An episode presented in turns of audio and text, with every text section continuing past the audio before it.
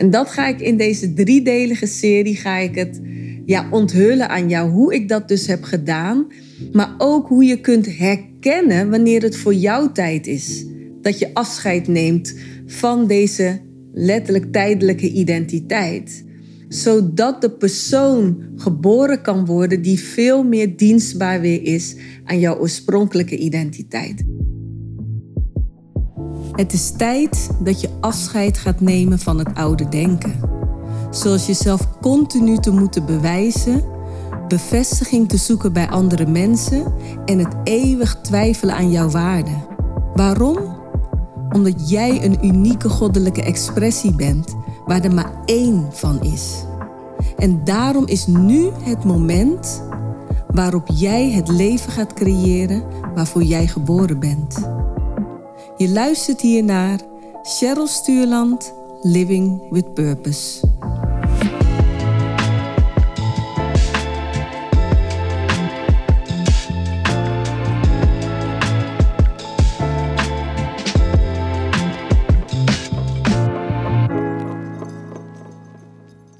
In deze driedelige serie ga ik aan jou onthullen wat nou de nummer één voorwaarde is voor het creëren van een leven in overvloed en vervulling.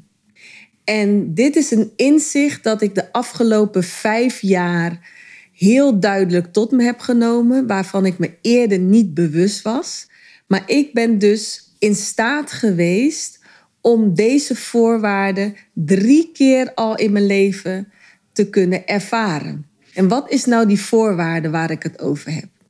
Nou, de nummer één voorwaarde voor een leven in overvloed en vervulling is dat jij de persoon waarmee jij je nu identificeert, dat je daar radicaal afscheid van kunt nemen, zodat de persoon geboren kan worden die dienstbaar is aan jouw spirit.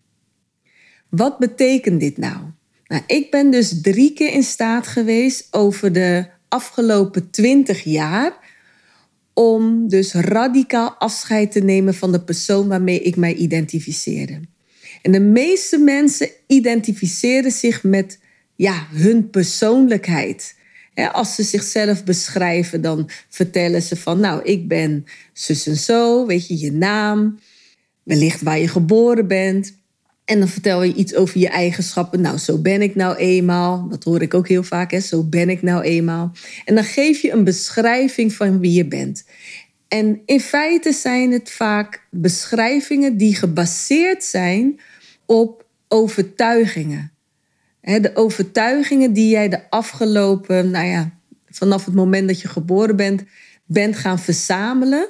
En dat vormt dan nu het beeld van wie jij bent.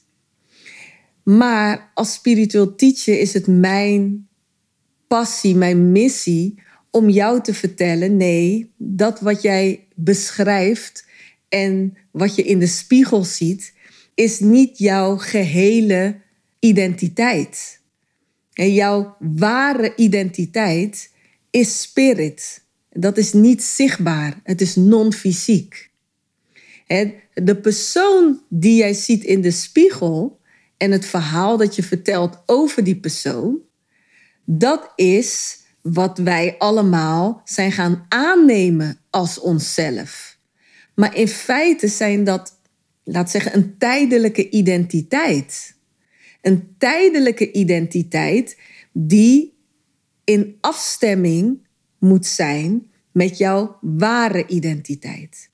En op het moment dat jij dat continu kunt doen, dan zul je zien dat je leven een aaneenschakeling wordt van overvloed en vervulling. Maar op het moment dat jij vasthoudt aan die tijdelijke identiteit, omdat je gelooft, dit is wie ik ben, kijk, dan creëer je dus wat ik dan vaak zeg, moeizaamheid in je leven. Innerlijke onrust. De, en een, een, een gevoel van tekort. Het tegenovergestelde van overvloed. Dus daarom zeg ik, de nummer één voorwaarde is dus dat je radicaal afscheid kunt nemen. En de eerste twee keer dat ik dit deed, was ik me niet bewust van dat ik het deed. Maar uiteindelijk, bij de derde keer dat ik, dat ik dus radicaal afscheid nam, besefte ik dus dat ik het die eerste twee keer ook had gedaan. En de eerste twee keer had ik dat dus als het ware intuïtief gedaan, wat het juiste was op dat moment. En dat ga ik in deze driedelige serie ga ik het ja, onthullen aan jou, hoe ik dat dus heb gedaan. Maar ook hoe je kunt herkennen wanneer het voor jouw tijd is. Dat je afscheid neemt van deze letterlijk tijdelijke identiteit. Zodat de persoon geboren kan worden die veel meer dienstbaar weer is aan jouw oorspronkelijke identiteit. En dat doen we eigenlijk ons gehele leven. Toen ik 19 jaar was, kocht ik het boek Boeddhisme voor Dummies. En op dat moment, ja, ik zat, laat zeggen, toch in een, een crisis die zich uiteindelijk rond mijn twintigste tot de, tot de explosie kwam, laat ik zo zeggen. Maar ik was heel erg zoekende in mijn leven. Ik heb heel lang een christelijke achtergrond gehad. Ik heb ook jarenlang bijbelstudie ook gehad. Dan ga ik in een andere podcast aflevering um, dat daaraan gewijd is, ga ik daarover vertellen. Maar op mijn negentiende, ik was zo ontzettend zoekende naar antwoorden over het leven. En ik het uiteindelijk dus blijkbaar niet vond in de, in de christelijke stroming op dat moment. Dacht ik, nou ja, wellicht kan ik het antwoord vinden in het boeddhisme. En ik weet nog dat ik dat boek opendeed en de eerste hoofdstuk las en ik op een bepaalde zin stuitte. En de zin was, en dat is wat zogezegd Boeddha uh, vertelt, dat het lijden van de mens wordt veroorzaakt door hechting. En dat het antwoord dus op het verlossen van het lijden onthechting is. En ik weet nog dat ik zoiets had van hechting als het probleem, als de grootste bron van het lijden. Wat betekent dit nou? Betekent dit dan dat ik niet meer om iemand mag geven of dat ik al mijn spullen weg moet doen? Dus ik was totaal nog niet bewust en ik had ook geen leraar die mij hierin kon begeleiden. Maar ik weet dat het een kort avontuur is geweest op dat moment over het verkennen van het boeddhisme. En het heeft uiteindelijk dus tot mijn 35ste geduurd voordat ik besefte en begreep wat Boeddha daadwerkelijk bedoelt. En dat is wat ik hier eigenlijk in ook simpele taal aan jou ga uitleggen in deze driedelige serie. Om dus dat leven te kunnen leiden waar je naar verlangt, zul je dus in staat moeten zijn om radicaal los te laten wie je denkt te zijn. En dat begint bij een besef te gaan creëren dat wie je denkt te zijn een gevolg is van allerlei aangeleerde ideeën die uiteindelijk overtuigingen zijn geworden. Je hebt heel je leven lang, zeker in de jeugdjaren, van alles geobserveerd in jouw omgeving. Je hebt heel veel dingen overgedragen gekregen van je opvoeders. En wie je nu bent, is als het ware een optelsom daarvan. Maar waar het over gaat, en dat is de reis die je hier maakt, is dat je dus steeds meer de belichaming gaat worden van jouw spirit, van wie je in werkelijkheid bent. En dat is jouw hoogst mogelijke potentieel leven. En dat is dus steeds meer leven in overvloed en vervulling. En daar komen gewoon steeds grotere gradaties van in je leven. Steeds meer vertegenwoordigingen van in je leven. Je gaat een leven kunnen leiden met alsmaar vervulling, vreugde en innerlijke rust. En voor veel mensen klinkt dit bijna als onwerkelijk, omdat we ook wederom weer hebben geleerd wat is mogelijk, wat is realistisch. En zelfs dat heb je overgenomen, veelal van je opvoeders. Waardoor je dus een aantal overtuigingen met je meedraagt die enorm beperkend zijn. En die er dus voor zorgen dat je niet dat leven leidt waar je naar verlangt. Dus de reis draait erom dat je gaat leren onderscheiden. Oké, wat is aangeleerd, uh, geconcludeerd en helemaal niet dienstbaar aan mijn verlangen? En wat is mijn werkelijke spirit? Wat is de absolute waarheid? En dat is wat je dus continu doet, naarmate je afscheid neemt van een persoonlijkheid en een nieuwe identiteit aanneemt, die nieuwe identiteit is altijd meer dienstbaar aan jou en dus de belichaming van je spirit dan die oude identiteit. Dus inmiddels is het uh, eh, 19 jaar geleden. Ik was toen 21 jaar. En op dat moment uh, was ik erg ontevreden met waar ik met mijn leven was. Ik wist dat er een potentieel in mij zat, maar ik leefde dat niet. Ik had schulden. Ik had mijn beroepsopleidingen op het MBO niet afgerond. En ik leefde letterlijk van twee baantjes: een baan in de zorg en een baan in de horeca. En het was gewoon overleven, letterlijk van dag tot dag. En ik weet nog dat er iets in mij zei van dit is niet mijn bestemming.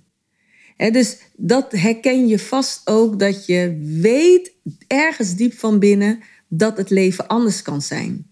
Ook al heb je dat nooit ervaren. Nou, ik heb hier een uitgebreide podcast over gemaakt, dus daar ga ik niet al te diep op in.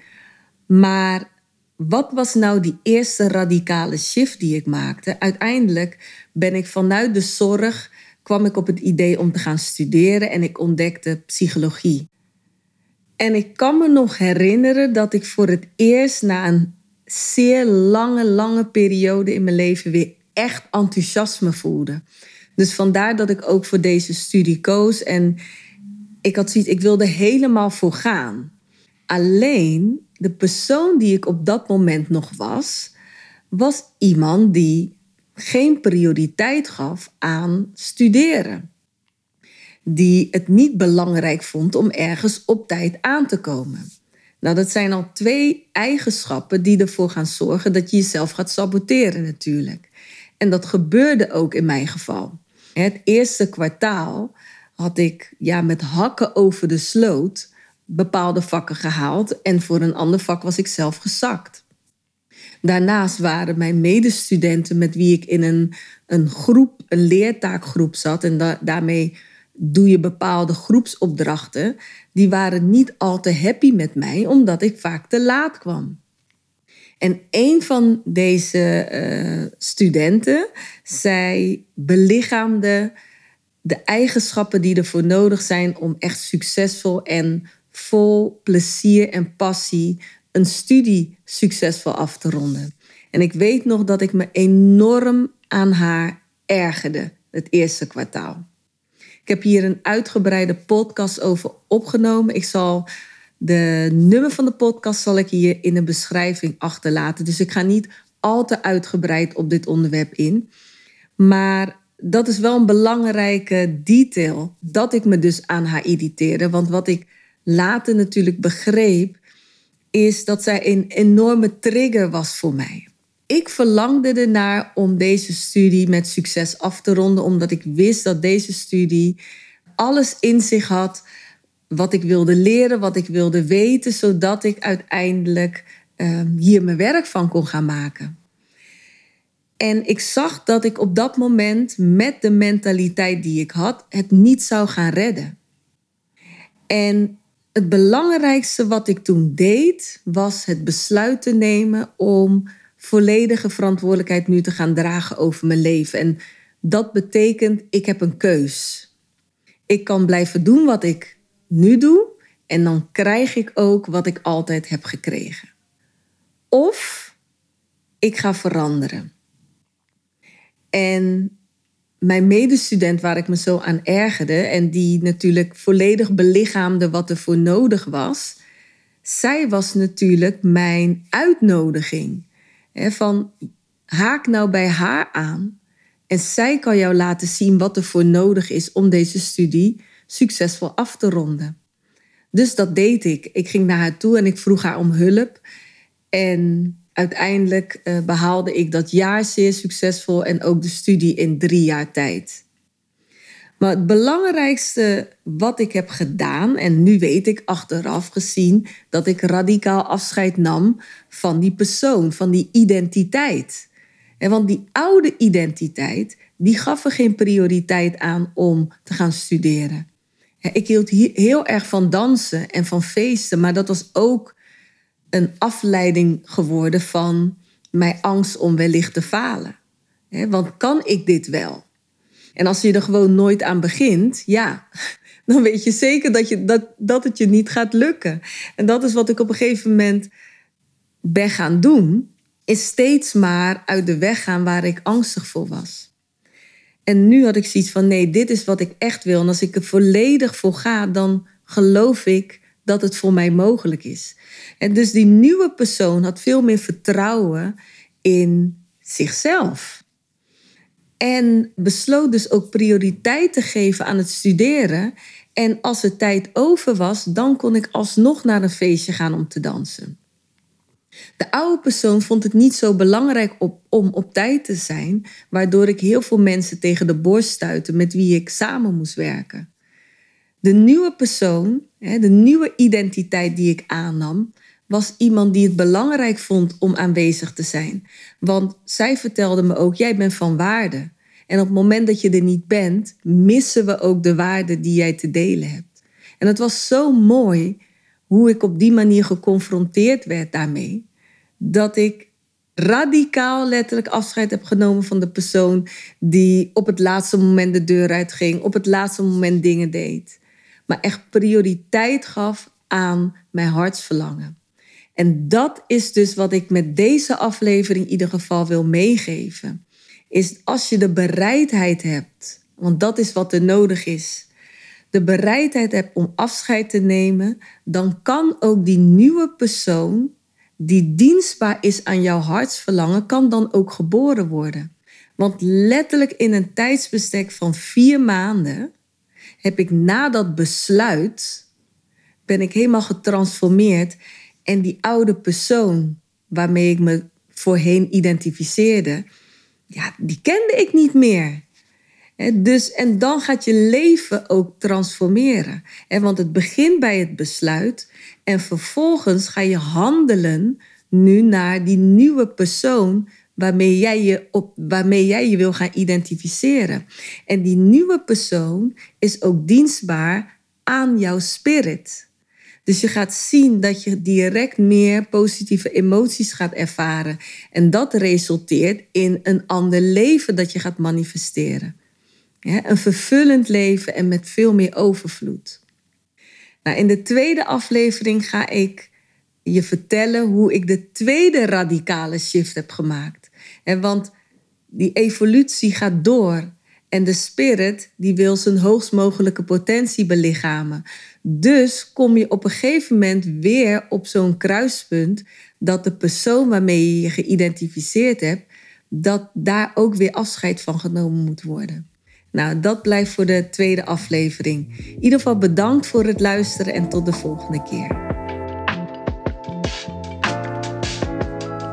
Waar voel jij je na deze aflevering toe uitgenodigd?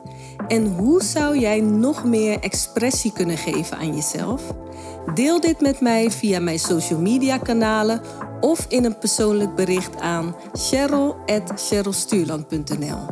Door op de volgknop te drukken ben je altijd op de hoogte wanneer er een nieuwe aflevering voor jou klaarstaat. Dus vergeet dat niet te doen. En dan zeg ik voor nu, dankjewel Purpose People voor het luisteren en till next time.